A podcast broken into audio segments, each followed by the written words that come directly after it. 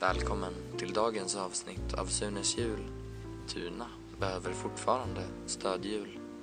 Felish nu hade tre kumpaner. Tyvärr var alla huliganer. Han behövde någon som över dem kunde styra. Så han bestämde sig för att en chef hyra.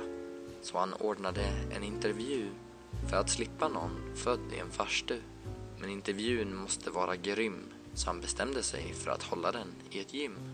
Det kom kandidater från ITs alla hörn. Den första kandidaten var ingen mindre än Björn. För att testa om Björn har vad som krävs fick han visa att han inte lätt kvävs. Björn fick veta att han skulle hämta en arm från kraken.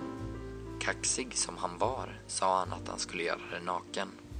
Han rodde ut på havet och dök ner.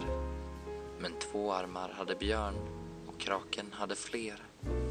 En naken man och en bläckfisk, det leder lätt till lite slisk. Så Ursa ser vi aldrig mer. Han nu kraken all sin uppmärksamhet ger. Nästa person i kön är ingen mindre än bröd. Imorgon får vi se om Felish kan sätta honom i nöd.